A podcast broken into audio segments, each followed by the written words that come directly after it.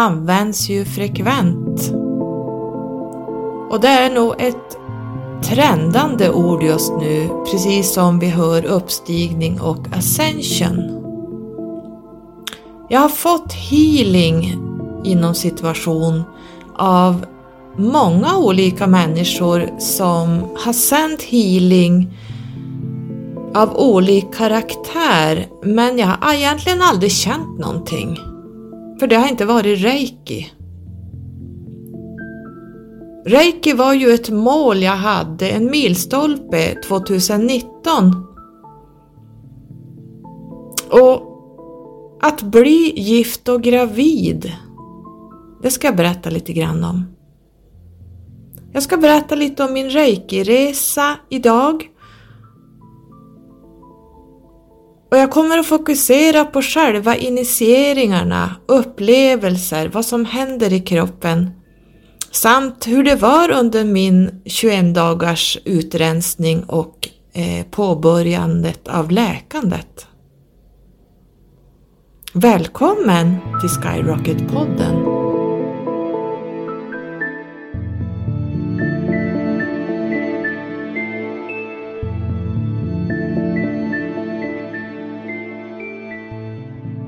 Ja, som jag sa så trendar det mycket healing eh, över hela världen just nu. Det är ett litet trendord och vad är egentligen healing? Det är stor skillnad på healing och healing och reiki eh, är ju någonting helt annat. Jag skulle vilja plocka upp reiki på sidan om allt annat.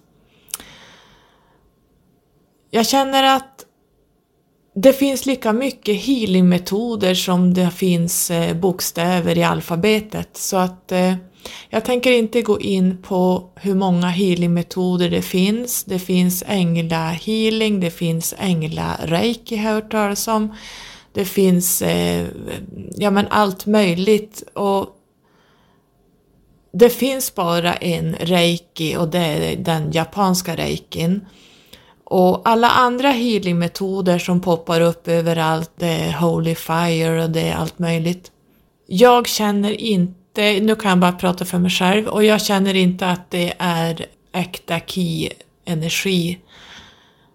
Naturligtvis så kan man hjälpa människor med sin egen eh, healing som man har i sig själv.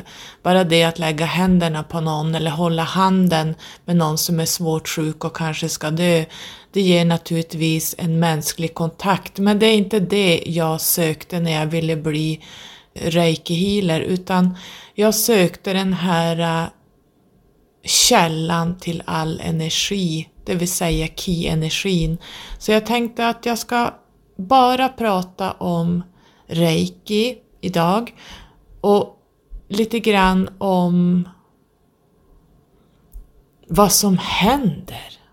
Jag måste säga att det här blev att vända blad i mitt liv. Alltså jag blev en helt annan människa. Det var helt outstanding. Det var otroligt jobbigt. Jag har aldrig blivit så sjuk som eh, när jag fick eh, mina initieringar. Och vi kommer dit på en liten stund. När man börjar Eh, gå kursen, i alla fall eh, ettan, så är det ju huvudsak fyra initieringar du får. Och initieringarna är ju avgörande för hela det här konceptet och för att du ska få den här ki-energin att flöda genom hela kroppen.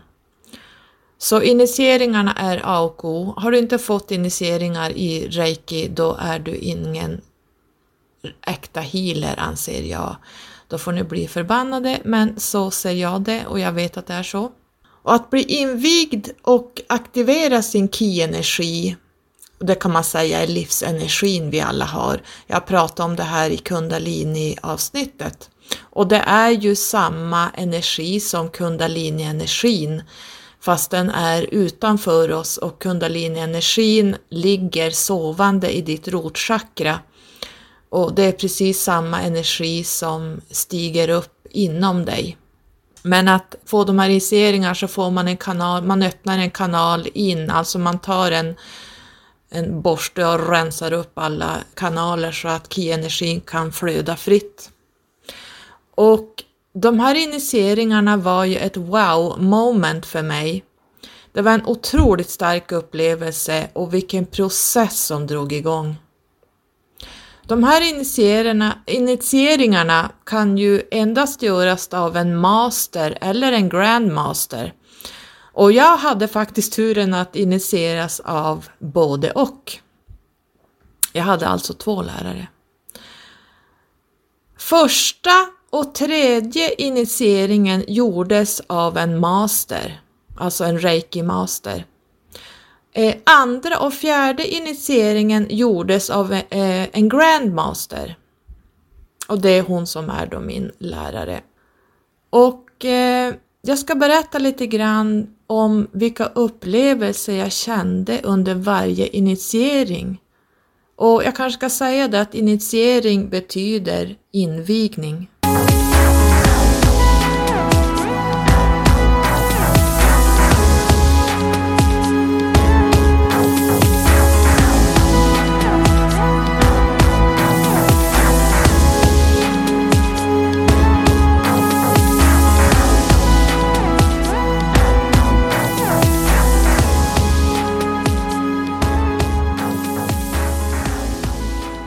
Första initieringen.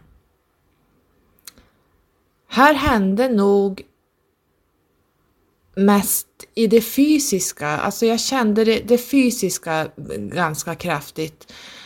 En enorm energi kom från fötterna och uppåt som sköljde över hela mig. Man, kan inte, man måste uppleva det här för att förstå det. Sen eh, ser jag en jättestor gul sol. Det var en enorm aktivitet kring speciellt fötter och ben. Det, det, det går inte att förklara, det var så, alltså det var helt amazing.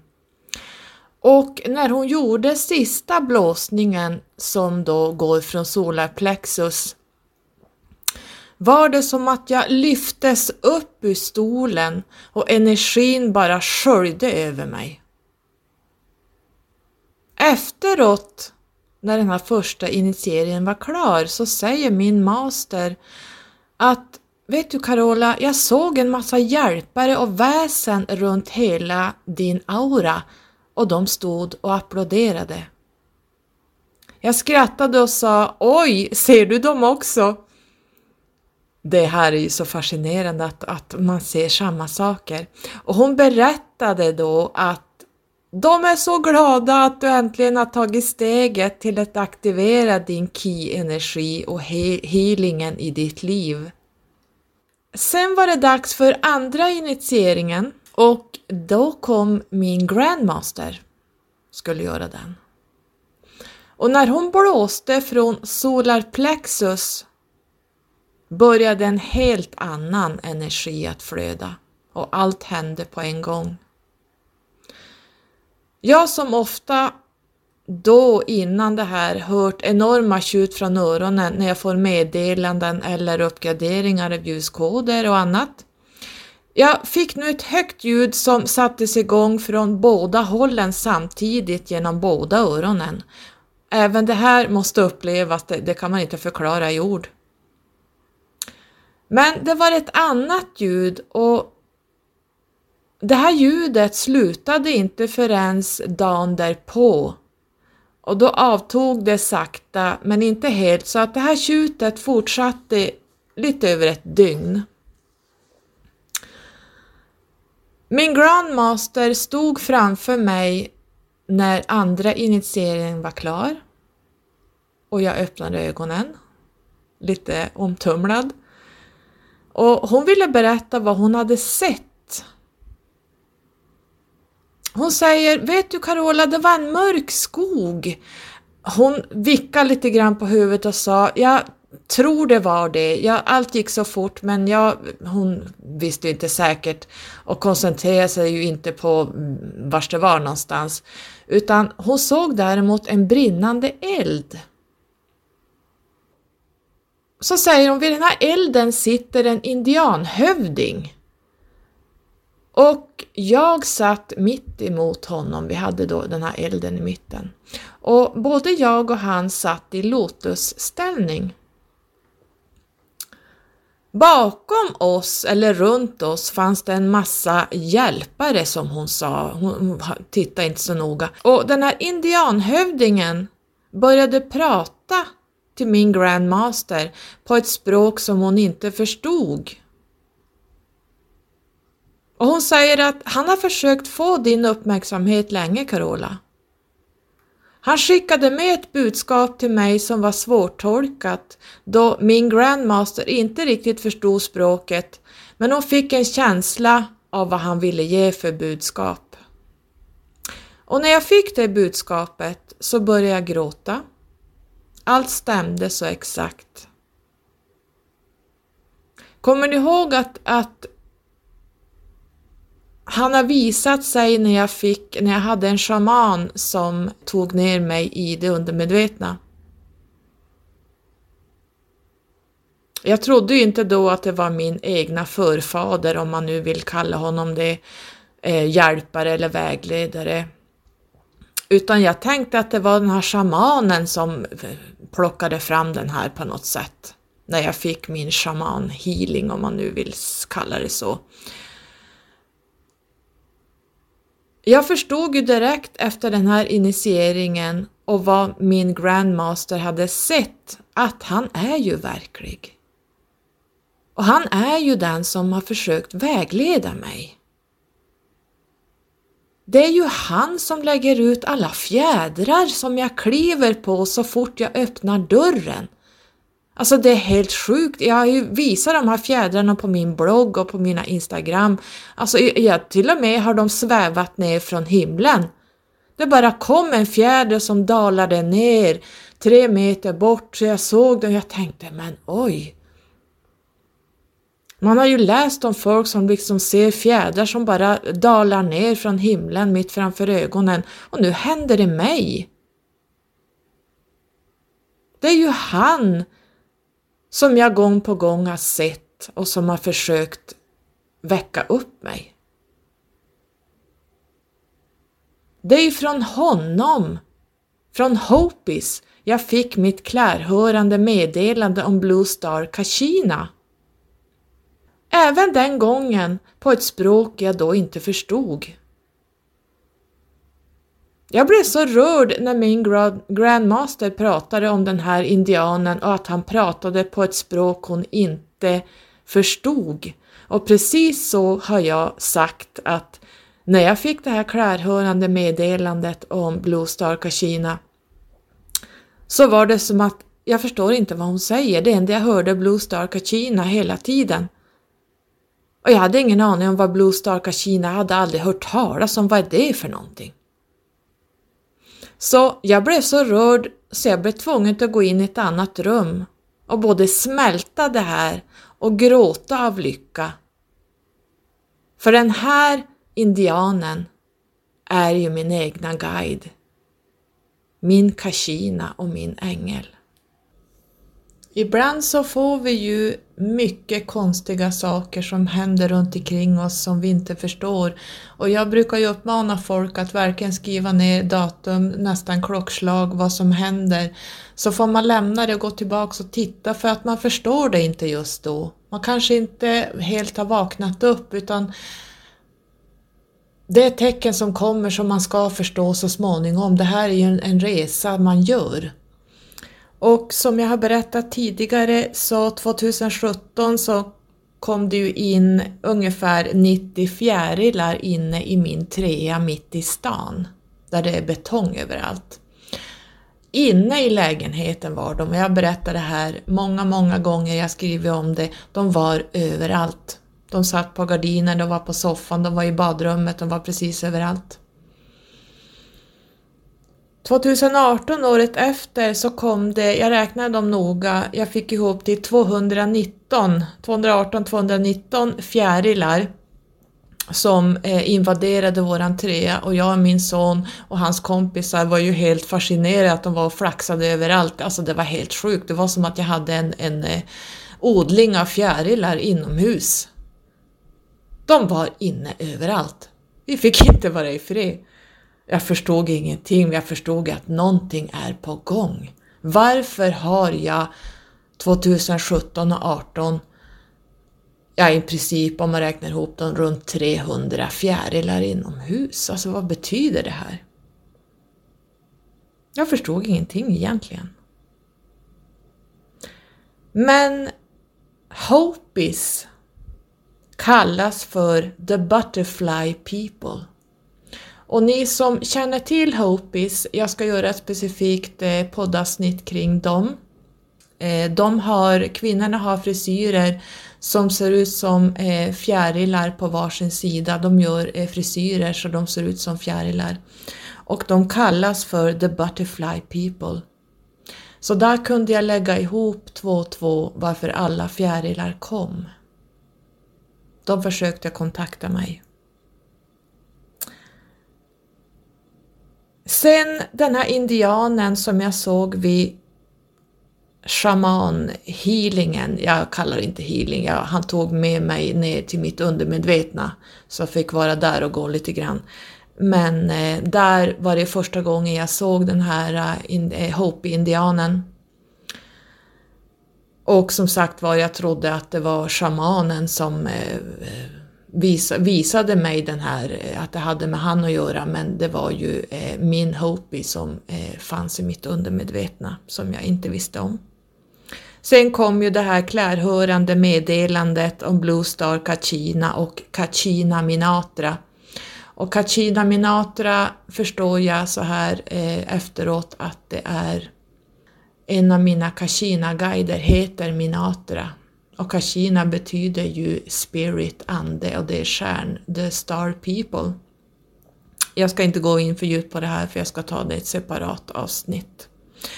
Och som en tredje så ser min grandmaster min indian under andra initieringen. Hon, han kontaktar henne, visar sig för henne. Jag och han sitter vid en eld och hon hade ju absolut ingen aning om det här eh, som jag redan hade gått igenom. Och hon berättar det här som, ja, det, det blev så, det här var helt magiskt. Att min gra grandmaster får se honom också. Och att han skickar ett budskap med henne. Alltså det, ni förstår, det, det, alltså den här perioden var helt omtumlande. Så att här föddes ju då min, mitt medvetande om min Hopi Tribe och var jag kommer ifrån egentligen. Så att eh, initieringarna betyder inte bara att man öppnar ki-kanalerna utan det betyder att du, du kommer ihåg en massa saker som du inte, som, egentligen som du har glömt. Det öppnar upp en massa saker som du kan lägga ihop två och två, så det här var ju helt amazing.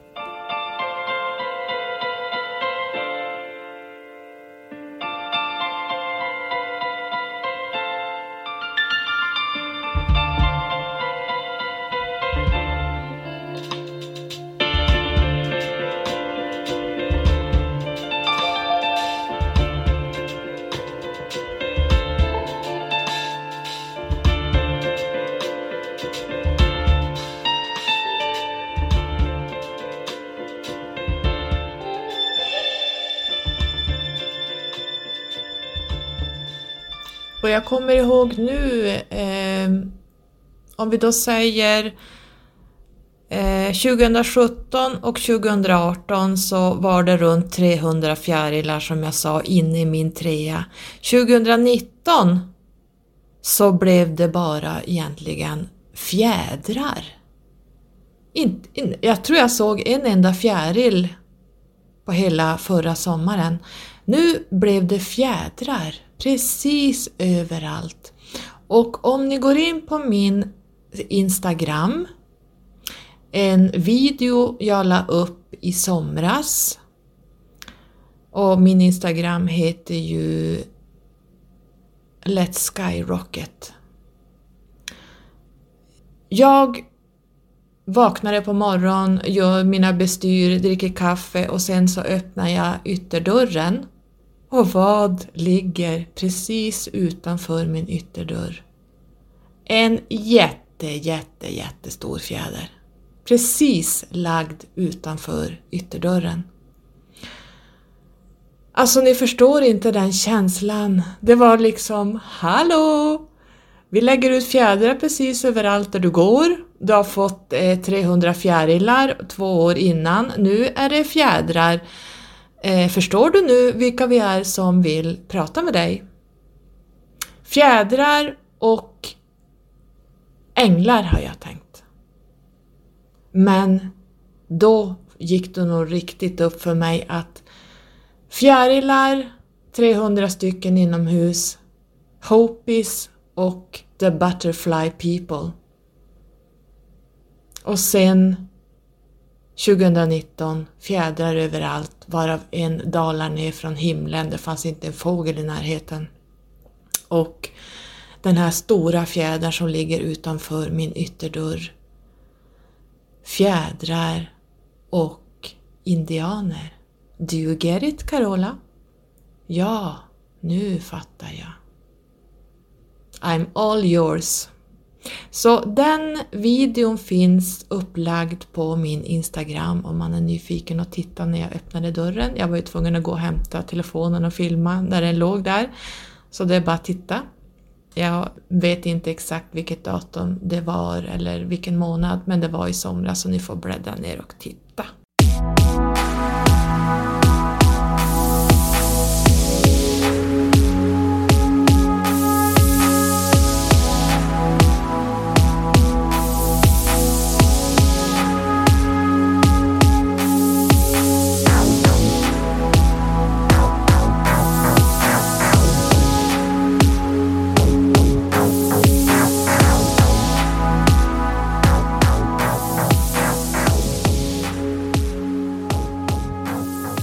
Kommit till tredje initieringen. Och den gjordes ju några timmar senare och av min master. Här måste jag nog säga att inget speciellt hände mer än att hon fortfarande såg alla ljusvarelser runt omkring mig och som hon kallar det ljusvarelser och hjälpare eh, runt omkring min aura. Så det var, tredje initieringen var inte sådär att jag skjutsades uppåt eller eh, kände något konstigt utan det var liksom bara, ja, det var mer hon som såg saker. Fjärde initieringen och det är ju den sista man får, den gjordes av min grandmaster. Här hände det en hel del saker också. Min grandmaster berättade vad som skulle initieras, bad mig sluta ögonen. Och det är ju så här, innan initieringarna börjar så står eh, din lärare framför dig, du sitter på en stol och, och de står framför dig. Och eh, berättar vad de kommer att eh, initiera för någonting. Om man är säker på att man vill göra det här och då får man svara ja, jag tror det var, jag minns inte exakt. Och sen när man liksom, då gör de en massa grejer och så sen går de, då sluter man ögonen, sen går de runt dig och ställer sig bakom dig och påbörjar initieringen med en massa symboler ovanför ditt huvud. Eh, det här kan ju inte man se då i och med att man sitter och blundar. Men som sagt var, hon gick eh, bakom mig där jag satt och direkt som hon flyttade sig och gick bakom mig så står det en ljusvarelse kvar där hon hade stått. Och jag tittade på den här ljusvarelsen länge, säkert i 20-30 sekunder. Ljusvarelsen hade en typ av människokropp. Ett huvud, axlar, armar och ben men allt var ett, ett starkt ljus. Nästan så att jag blev bländad. Fast när jag blundade så kunde jag nästan inte titta in i det här. Sen minns jag att ljusvarelsen formades till en stor ljusboll och sen försvann den. Puff! Och när initieringen var klar ombads jag sen att öppna ögonen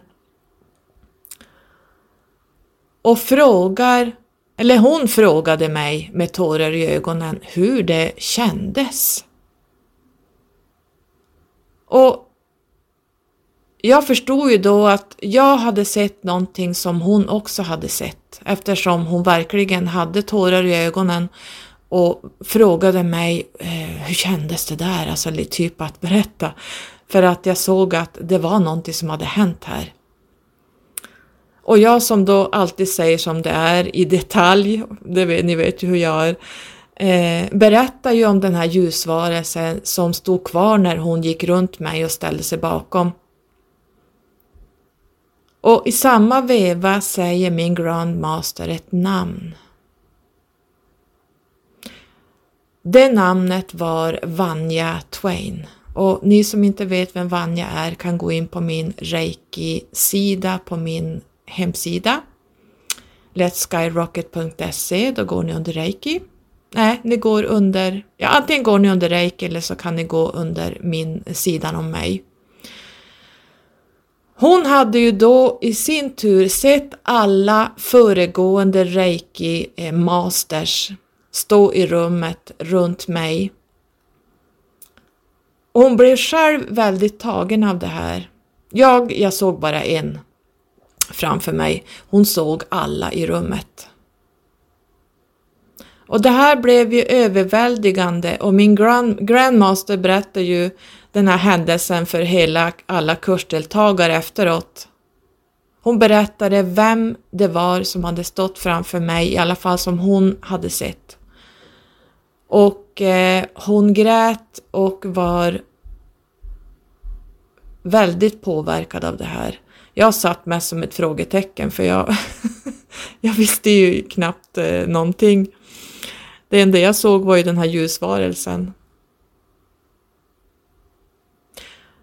Jag vet inte om de kom när just jag initierades eller om det var rent allmänt energierna. Men jag kände att det var för just mig. Det är bara en känsla som jag fick.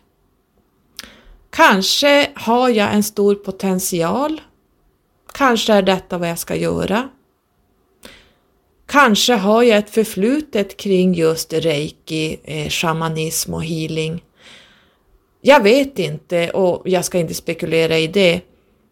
Allt lär visa sig med tiden, men mycket gråt blev det minsann och många kramar.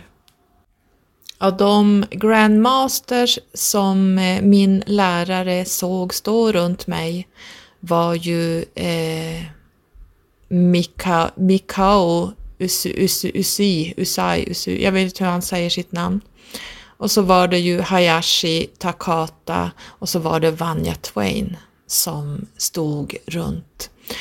Eh, och Vanja var ju min lärares eh, de jobbade mycket ihop. Eh, Vanja var ju den som förde reiken in till Sverige 84. Och min lärare Monica Palo är ju reiki master sedan 94 och grandmaster sedan 96. Och eh, hon går ju i sjätte ledet under de här. Efter Vanja var det Irma Gustafsson Peter Bertma, Bertnäs som spred reiki i Sverige tillsammans med Vanja och eh, Monica eh, gick under Irma så Monica är det sjätte i det här ledet då så att eh, jag är jätteglad över att jag har fått initieringar och utbildning av Monica.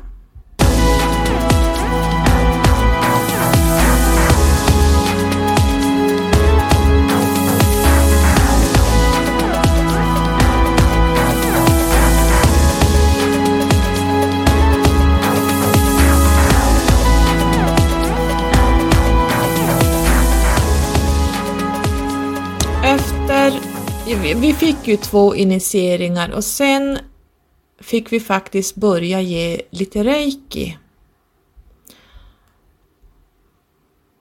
Och sen så kom de andra två initieringarna och så skulle vi ge reiki igen. Den här kursen gick ju i fyra gånger, vad vi, tror jag vi höll på. Ehm, fyra tillfällen. Och direkt jag hade, alltså dag ett efter de här fyra initieringarna, så var det som att jag blev en annan människa. Det jag såg hos var och en jag gav reiki var ju mäktigt. Jag kunde se eller känna vars blockeringarna fanns. I vilka chakran. Och jag fick se en massa saker runt omkring deras liv jag omöjligt att kunna veta. Och efter varje reiki jag gav så berättade jag direkt efteråt eh, saker som har hänt i deras liv jag omöjligt kan veta. Och en tjej började faktiskt gråta och sa men hur fasen kan du veta det här? Jag vet inte, sa jag, men det bara kommer till mig. Och det här blev ju verkligen en wow-känsla och bekräftelse både för dem och mig. Vid första träffen vi hade av fyra så drog jag, fick vi dra ett kort. Och de här korten har min lärare gjort själv. Det är ungefär nästan som en orakellek fast ändå inte, men något ditåt. Affirmations eh, snedstreck, eh, ja, något sånt. Och jag drog ett kort där det är en stor å som går och sen börjar vattnet eh, rinna neråt. Eh, det är jättemycket grönska, den här ån är jättebred och sen så är det ett träd och så står det texten Jag tar, tar mig tid att läsa och öppnar mig för nya sätt att betrakta världen. Jag förstod inte då vad det här betydde. Idag förstår jag precis vad det här kortet ville säga mig. Och det är precis det jag har gått igenom. Jag har verkligen fördjupat mig i allt som pågår i världen just nu. Jag har öppnat mig för nya sätt att betrakta världen och jag ser världen med helt andra ögon. Och det var faktiskt under den här 21 dagars, eh, alltså när man får sina fyra initieringar så kallas det för att man blir gift och gravid med reiki. För det här är någonting som du har med dig, du blir gift med den här energin för resten av ditt liv. Och det här är väldigt stort. Det som hände var ju eh, mycket saker. Jag ska gå in på lite symptom på en liten stund, men under de här 21 dagarna så väcktes min kundalini tack vare att jag hade öppnat reikiflödet. Så eh, det hände väldigt mycket under de, de här 21 dagarna och jag ska berätta lite grann vad som hände. Jag läser lite grann vad jag skrev om att vara gift och gravid med reiki. Nu är det ett dygn sedan jag blev både gift på livstid med reiki samt gravid under 21 dagar. Jag skrattade då min grandmaster faktiskt påpekade det här med både humor och allvar. Initieringen håller nu på och jobbar med utrensningar och annat under 21 dagar. Sen vet ni ju nu att nu är ni gifta med reiki för resten av livet. Och så skrattade hon. Allt kan hända om man vill sällan hör att någon aldrig råkar illa ut så finns det fall. Precis som när man får en full bloom kundalini awakening men det är mer ofta. Det kan få fatala katastrofer om man inte är i balans eller har dolda psykiska sjukdomar som kanske bryter ut vid initieringen av reiki. Vi pratar nu så starka energier så att de måste upplevas. Det här är på livstid, så därför får man frågan inför varje initiering. Är du redo? Det vill säga, du har chansen att backa ur. Symptomen varierar ju kraftigt under de här 21 dagarna. Och precis som när man är gravid så kan man ju få olika symptom. En eh, deltagare i vår grupp fick sin initiering eh, 14 dagar innan oss. Och hon berättade att hon hade haft det väldigt tufft psykiskt. Hon hade haft eh, i och för sig stora problem med ångest innan så därför började ki-energin säkerligen jobba just där. Samt rensat magen en hel dag, törstig konstant, trött, sovit nonstop, varit euforisk, arg, ledsen, sjukdomskänsla. Ja, allt kan upplevas och det här går ju inte i förväg förutspå vilka symptom man går igenom. Men om man själv har haft kontroll på vad man har läkt och gjort till skuggarbete, eh, som då i mitt fall, jag vet ju vad, som, vad jag kommer att få problem med eller inte eftersom jag hade, jag eh, hade ju rensat Eh, i, i, mina trauman och mitt undermedvetna eh, skuggarbetet sedan ett års tid innan. Så att eh, för mig tänkte jag vi får se vad, vad det blir för mig. Och mina, mina symptom som jag hade under det första dygnet, det var ju en konstant aktivitet kring kronchakrat och tinningarna eh, samt fortfarande pågående i skrivande stund när jag skrev det här. Jag var euforisk, glad, lättad, positiv, kände mig balanserad. Jag hade dock ingen hunger. Jag såg ljusvarelser precis överallt, vare sig jag hade ögonen öppna eller stängda. Jag hade ett ständigt tjut i båda öronen istället för ett, konstant första dygnet, lite mer längre. Eh, jag hade ju huvudvärk som jag har typ en gång var tionde år och den var total samt en hel del nackverk. Jag hörde guider, eller vad vi ska kalla det, prata med varandra och med mig. Jag började se symboler som jag tidigare aldrig hade sett. Eh, jag började se nya dimensioner och besökte dimensioner jag tidigare aldrig varit i. Och om det var samma kväll eller kvällen efter så kundalinen aktiverades rejält igår kväll när jag kom hem har jag skrivit. Först kände jag av den när jag satt i soffan. Den tryckte på från sakralchakrat på höger sida av ryggraden. Jag försökte bromsa den så jag blev lite rädd att den, rädd att den skulle med all den här energin komma upp i full kraft. Är jag redo för det? Jag vet att den kommer att stiga snart, men jag vill fördröja det så länge det bara går. Och sen fick jag plötsligt en enorm blödning från munnen på, sent på kvällen och en enormt brinnande känsla i hela kroppen. När jag till slut la mig på kvällen tog det inte lång stund innan kundalinin reser sig med en enorm kraft.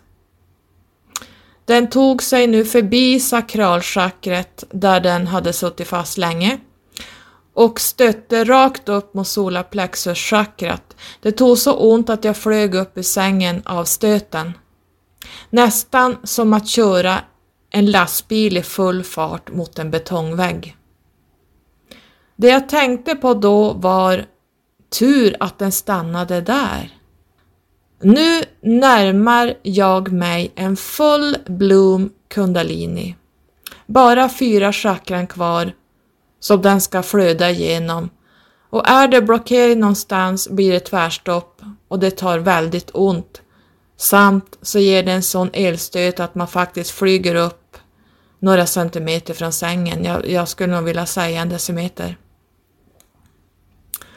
Reiki 1-kursen fortsätter en gång till så ännu är jag inte klar reiki-healer. Så vi får se när vi alla bestämt datum för nästa kurs. Jag skulle vilja säga här att normalt de som går reiki 1 alltså den fysiska reikin, gör det kanske på en dag, en och en halv dag under en helg. Många gör ju reiki 1 och reiki 2 i ett svep. Men jag skulle vilja säga att min fysiska reiki som jag har gått, den pågick inte under en dag eller en helg. Den pågick under fyra tillfällen där jag matade reiki mellan fem till åtta timmar under fyra olika gånger. Så att min fysiska reiki är väldigt befäst och väldigt eh, djupgående om man jämför med sådana som bara går kanske en lördag några timmar och sen kör man reiki 2 på söndagen. Så att eh, eh, jag är nog glad. Då var jag irriterad över att det aldrig blev klart. Ska vi en gång till och en gång till och en gång till? Alltså, jag kände att jag blir aldrig klar. Hur mycket mer ska vi lära oss?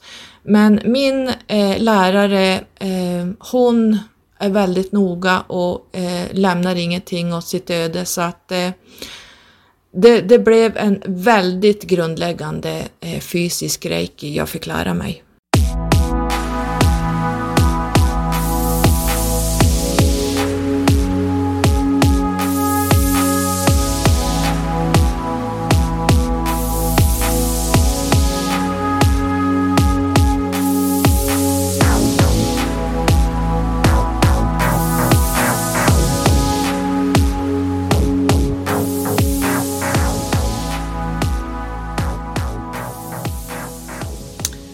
Reiki healer, yay! har jag skrivit. Så då kan jag ställa mig till Reiki healers skalan, initierad och klar efter fyra hela dagar. Kundalini ki-energin är ofantlig, enorm. Och de jag hittills har gett reiki har blivit helt andra personer. Jag skrattar då en viss person nu plötsligt har börjat baka och lagar helt fantastisk mat som aldrig tidigare gjort detta. Och jag kan säga att det var min son. Jag gav han reiki en och en halv timme. Jag hittade så mycket i honom att ja, det skulle ta en hel C-uppsats att skriva. Och eh, Dels så fick han springa på toaletten och hade diarré i tre dygn. Eh, och jag sa wow, nu har din utrensning börjat. Och sen så efter det började han baka eget bröd. Han har aldrig bakat eh, vad jag vet. Han började äta eh, vegetarisk mat. Lite mm, bara hälsa. Han började, köpte sig ett gymkort det jag såg, det jag frågade honom, det han såg, ah, jag frågade efteråt, efter en och en halv timme, frågade jag om han hade upplevt någonting. Och han hade upplevt så mycket, han berättade att han hade hamnat som i en annan värld sa han. Och berättade en massa saker jag inte kommer att säga, men han berättade specifikt om en symbol som dök upp. Jag hade aldrig hört talas om den här symbolen och jag rita, bad han rita ner den och så tänkte jag att jag kan kolla av den sen och eh, ja, vi pratade lite kring det här och sen så åkte han hem till sig. Och när jag började kolla upp den här symbolen så kom den från 1800-talet. Och jag ska inte, jag kommer, ja, nu skulle jag egentligen ha förberett mig och berätta om den här för nu har inte jag de papperna framme för jag skriver ju ner eh, allt som händer kring alla eh, som jag har gett reiki. För att utvärdera själv och eh, lite så. Eh, den här symbolen visade sig tillhöra en viss person, väldigt eh, mäktig person. Och det här kallades för eh, det var som en, inte en organisation, jag, vet, jag hittar inte ordet just nu, men det var den här äh, gruppen av människor, eh, samfundet eller vad man ska kalla det, var ett samfund som stod bakom ärkeängeln Mikael. Jag ska ta reda på det här om det är någon som är intresserad, men det här var väldigt intressant. Och den här personen som var ledare i det här för den här symbolen hette samma sak, hade samma namn som min son. Han var född på exakt samma datum och samma månad som min son. Så jag sa till honom att det här var du i ett annat liv. Han blev alldeles vit i ansiktet. Han kunde inte säga emot heller utan han sa bara typ, eh, du vet en 23-åring pratar sådana här saker med en sån. Så eh, det var rätt häftigt att han då, eh, jag öppnade kanaler i honom så att han fick se lite glimtar av sitt tidigare liv.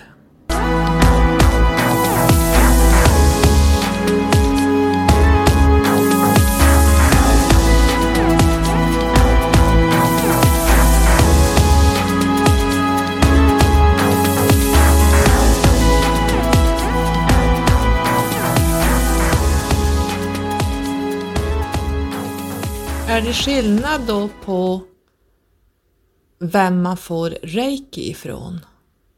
Ja. Innan jag, jag har ju länge tänkt göra ett eh, poddavsnitt kring just reiki. Mm, nu ska jag bara prata om själva eh, utbildningen och eh, vad som händer i kroppen.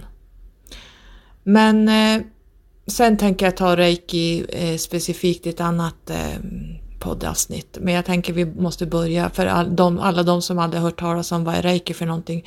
Många tror ju att det är, det är bara en handpåläggning eller det är bara någonting alla kan ge. Nej, jag skulle vilja säga att man måste ha initieringarna för att kunna ge äkta reiki. Vad är då äkta reiki? Är det någonting en, Japan, en japan eh, Usui eller vad han kallas för, eh, Mikao Usui hör att det är någonting som kommer från honom. Nej, han var den som lyckades hitta den här bortglömda energin som har funnits under tusentals år eller egentligen sedan eh, begynnelsen. Så han var väl den som hittade igen och förstod den här energin. Men det är inte han som specifikt har den inom sig. Alla, det är universell energi som kommer från universum och eh, det krävs eh, fyra initieringar för att få igång den här, eh, de här kanalerna. Det, att det kallas eh, japansk reiki är för att han har utarbetat, som jag ser det, ehm, eh, metoder för att kunna eh, utföra och ge andra av den här helt fenomenala energin. Jag ser reiki och kundalini som precis samma energi. För mig är det exakt samma energi. Skillnaden är att eh, kundalinin ligger sovande i ditt baschakra och den kan stiga när som helst. Den kan vakna vare sig du är uppvaknad eller inte. Den kan vakna vid, när du går igenom något traumatiskt, något jobbigt. Den kan vakna eh, om du provocerar fram den, vilket jag eh, återigen säger att det ska man inte pyssla med. Kundalini-yoga är absolut ingenting jag skulle vilja rekommendera. För att då kan man hamna i det här eh, psykoser och allt annat konstigt. Det finns ju de som blir inlåsta på psyket som man tror hade flippat om och så har man haft en kundaliniresning och så har man en massa blockeringar. Man har tvingat fram den här eh, kundaliniresningen då man inte är klar. För att eh, den här kundaliniresningen ska kunna eh, gå igenom alla chakran ut genom tredje ögat och bas, eh, kronchakrat så, så krävs det att det är fullt flöde eh, och öppet i alla chakran och är det inte det, har du inte läkt dina trauman Eh, och stigit i frekvens, ni vet hela den här uppvaknande processen och jobbat med din personliga utveckling, då kommer det att bli jättestora problem och då kan man hamna i en, i en psykos helt enkelt. Jag har ju berättat tidigare om att kundalinin är ju den energi som går ner när, när, du, när vi blir eh, ett foster i en kropp. Så är det kundalini-energin som går ner i kroppen eh, tills det har blivit en fysisk celldelning, tills, vi, tills eh, fostret har alla organ klara eh, utvecklade i en kropp, då, går, då, då släpper kundalinin och kroppens fysiska eh, system tar över. Och kundalinin somnar och lägger sig i rotchakrat. Jag har sagt det här tidigare och eh, har man inte lyssnat på det poddavsnittet så kan man lyssna igen. Men jag säger det eh, en gång till att kundalinin går ner när du blir en människa så går den ner och uppehåller eh, livsenergin fram tills kroppen blir självgående och när vi lämnar den fysiska kroppen så går den här ki-energin tillbaka upp till där vi hör hemma. Just det, jag glömde ju berätta att på den sista kursen och jag börjar fundera nu om det kan ha varit fem tillfällen vi var eh, och gjorde reiki 1, alltså fysiska reikin. Det kan vara fem gånger, det är nästan så att jag tror det. Men eh, jag glömde faktiskt nämna att då fick vi en påfyllnad, eh, för vi hade ett litet uppehåll mellan eh, de här eh, träffarna. Och då fick jag en påfyllnad på reiki. Jag hade fått fyra initieringar och fick en femte, det vill säga en påfyllnad. Och det här har jag också skrivit om, jag orkar inte leta reda på det och läsa om det nu, men då ser min reiki-lärare att min grandmaster att eh, jag såg, nu ska jag tala om vad jag såg, säger hon. Och det är ju alltid så spännande att höra, vad har du sett nu?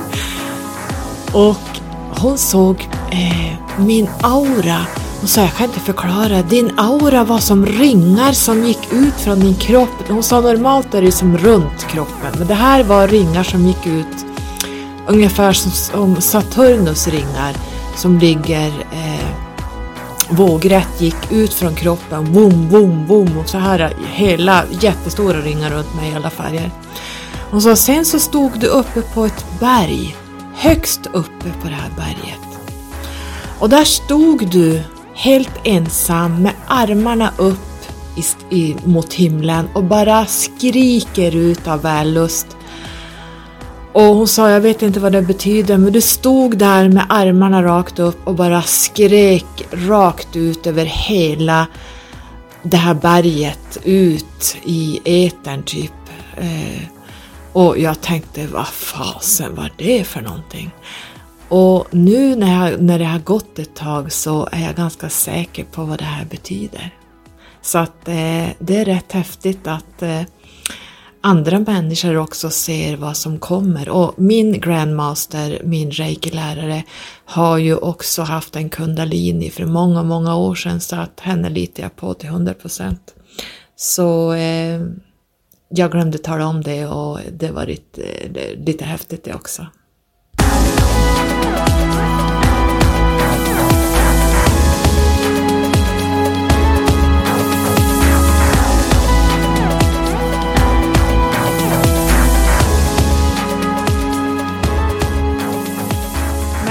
att återgå då till eh, är det skillnad på vem som ger reiki? Som jag sa, ja, det, det är stor skillnad på vem som ger reiki. Jag går ju inte ut med någonting innan jag vet eh, 98, 99, 100 procent om det är sant. Jag, ibland måste jag eh, pausa vissa saker. Sorry, telefonen ringde så jag var tvungen att pausa. Eh, jo, vad sa jag för någonting? Eh, jo, angående att det är skillnad på vem som ger reiki. Jag kan ju säga att jag har fått eh, healing. Man ska inte... Eh, alltså healing är ett samlingsnamn för eh, A till Ö. Det måste man nog lära sig att det är skillnad på healing. Många tror att healing är allt, eh, reiki är allting som har med healing att göra och så eh, är det inte. Utan reiki är healing. Det är det som är healing skulle jag vilja säga. Medan man blandar in en massa andra metoder som inte ger den effekten som reiki gör. Och jag har fått, jag skulle ju gå då steg två, vilket är då att ge reiki på distans.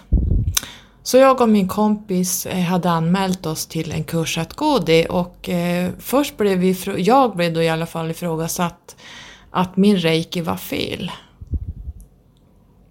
Att jag skulle då gå om steg ett innan jag gjorde steg två för den här personen för att eh, det, min reiki skulle inte duga. Och min vän hade då helt fel reiki, den var då inte ens godkänd.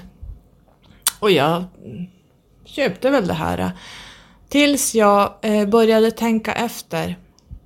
Eh, jag har fått distansreiki 2018 av den här kompisen och jag som skulle gå, hon skulle gå om steg två. Och jag skulle göra steg två.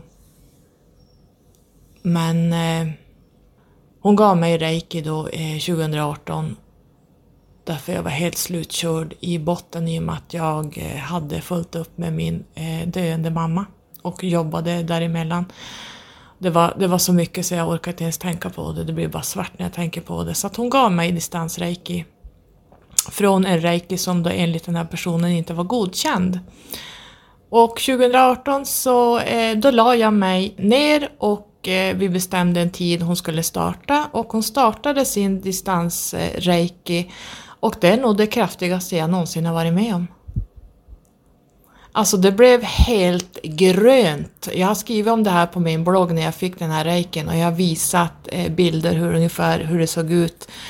Men det, var, det blev helt grönt som steg underifrån och bara ökade. Det var någon så jäkulst energi. Alltså jag har aldrig varit med om det like. Och sen så Ja, det var, det var helt amazing, alltså vilken kraft. Och, och hon, när hon ger reiki så skakar hela hon, alltså hela, hela hon skakar, ibland gråter hon för att alltså, hon har så kraftig eh, reiki-energi så det, det, det, alltså det, man måste uppleva och se det för att förstå. Men det var inte godkänt som sagt var. Och sen så igår så fick jag distansreiki från en annan person som har gått från en annan lärare som då eh, påstås vara japansk reiki.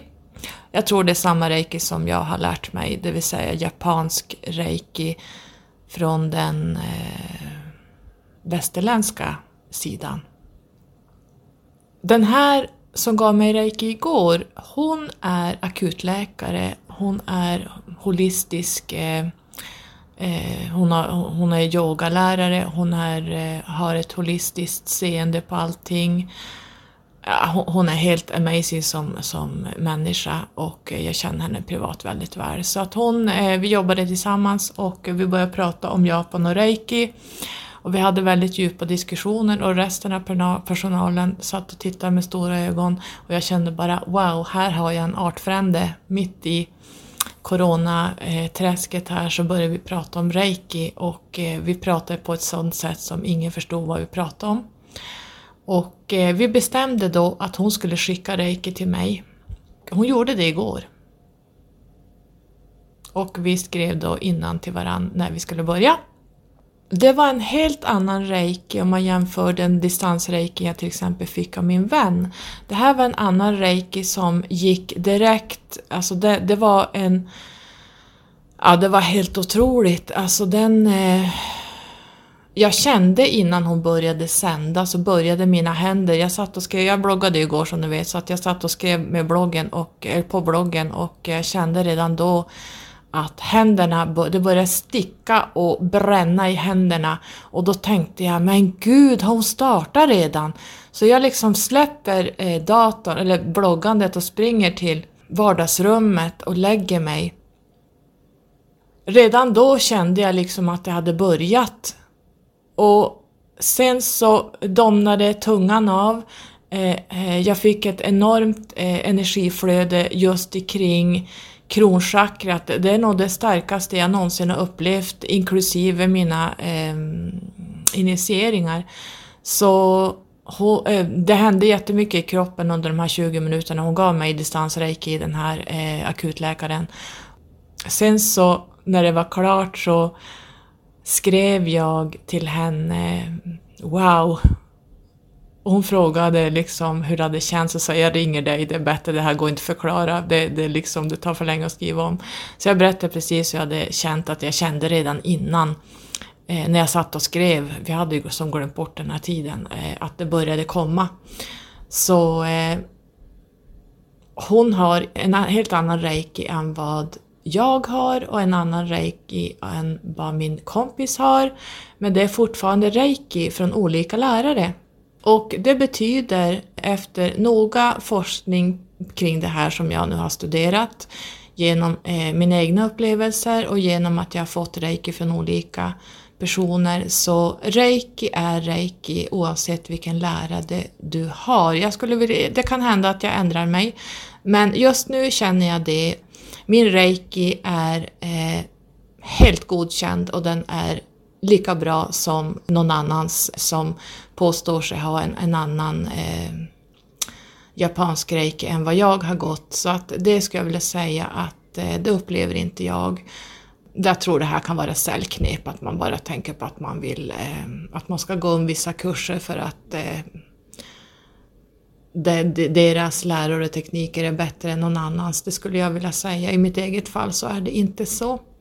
Så eh, reiki är reiki. Sen ska man kolla av om det är japansk reiki eller inte. Eh, det finns så många eh, reiki som inte är äkta reiki så att det är, där, det är det man måste titta på. Så skulle jag vilja sammanfatta det här. Jag har ju Usui Shiki Ryhayo, jag vet inte hur man uttalar det. Mm, det är ju en västerländsk reiki från Takata som spred då reikin i västvärlden. Hon initierade 22 reiki masters medan eh, det vi då fick höra när vi skulle bli tvungna, jag skulle bli tvungen att gå om min kurs, att det är Usui, alltså den, den här mannen i Japan som återupptäckte reiki i slutet av 1800-talet eh, som jag pratade om tidigare, att det är hans reiki som endast är den sanna. Men jag, eh, har man haft en kundalini-uppvakning, eh, mm, vad kallas det för, inte uppvakning, en resning, så ser man den här energin, det har egentligen ingenting med eh, tekniker att göra i grund och botten utan det här handlar om att öppna kanalerna för att få in den här energin och den här energin spelar ingen roll om den kommer från Usui eller från Takata eller vem den kommer ifrån utan det är samma energi som lägger sig i ditt kronchakra, eller i ditt eh, baschakra som sen stiger upp eller som du tar in uppifrån. Det är precis samma energi vare sig det är från Usui eller, eller Takata eller Vanja Twain eller vem man nu eh, pratar om. Eh, ja, det här står för mig och jag ser det så. Andra kanske tycker annorlunda och då får man tycka det. Men jag ser att energin är eh, likadan, utan det viktiga är, säger jag igen, det är att få initieringarna. Det är de som öppnar upp den här energin och den är likadan som eh, Usuis eller Takatas eller Hayashis, det spelar ingen roll. Det är samma energi. Så, så ser jag det. Och jag och den här uh, akutdoktorn, vi började ju smida planer för reiki i framtiden. Ni vet, vi hade sådana planer där på jobbet så vi... ja, vi får se vad som händer med det. Kanske blir det så, kanske inte. Vi får se, men vi har i alla fall eh, spånat kring det här, vad man kan göra med reikin i sjukvården, så att eh, det ska bli väldigt spännande att ha i så fall en akutläkare eh, med sig som dessutom eh, jobbar helt holistiskt, andligt och eh, är helt andlig kan kombinera det här med eh, ki-energi fatta vad man kan göra för patienter. Så vi spanade på det här. Hon är även yogalärare så att det är inte hon klarar av i yoga, alltså ni ska se hennes Instagram. Alltså, ja, alltså det är helt otroligt vilka positioner hon gör. Så att eh, ska man se något väldigt akrobat mm, eh, avancerat så ska man titta på henne. Så eh, jag tror att vi slutar där. Det blev ett väldigt långt inlägg, eller avsnitt, kring hur min reiki kom in i mitt liv och vad som, hur det förändrade mig och vad som hände. Så eh, jag ger fysisk reiki och jag ska nog mest troligt gå steg två hos en annan lärare som eh, jag fick tips av från min, den här akutdoktorn. Så, men jag ville först känna hennes eh, distansreiki innan jag bestämde mig och jag känner att den var ordentlig. Så att eh, då får jag liksom bekräftelse på att den reiki hon har fått är äkta och det hon har lärt sig. Så att eh, det kan hända att jag går steg två hos en, en annan lärare än min egen lärare jag har pendlat lite fram och tillbaka och funderat på lite olika lärare. Men jag tror att jag ska ta den lärare som hon har gått hos. Hon har ju eh, steg 1 och steg 2. Så vi får se vad som händer på reiki-fronten. Just nu ger jag inga, jag kan säga det på en gång, jag får många som skriver som vill ha fysisk reiki. Och då säger jag eh, tänk på att det är covid-19 tider, coronatider, så jag ger just nu ingen fysisk reiki. Men jag gör det jättegärna, jag har en lång lista, så hör gärna av dig så hamnar du på den här listan så ska jag beta av er eftersom. Och som ni vet när man får reiki så förändras livet till det bättre. Först blir det utrensningar som kan vara lite jobbiga eh, om man inte har jobbat med, med, sin personliga utveckling. Men har man gjort det då, då kan du till och med få en kundaliniresning så att vi, man vet inte vad som händer och vad som ligger i din livsväg. Så tack för att ni lyssnade på det här avsnittet. Hoppas ni får en jättebra söndag. Puss och kram på er! Hejdå!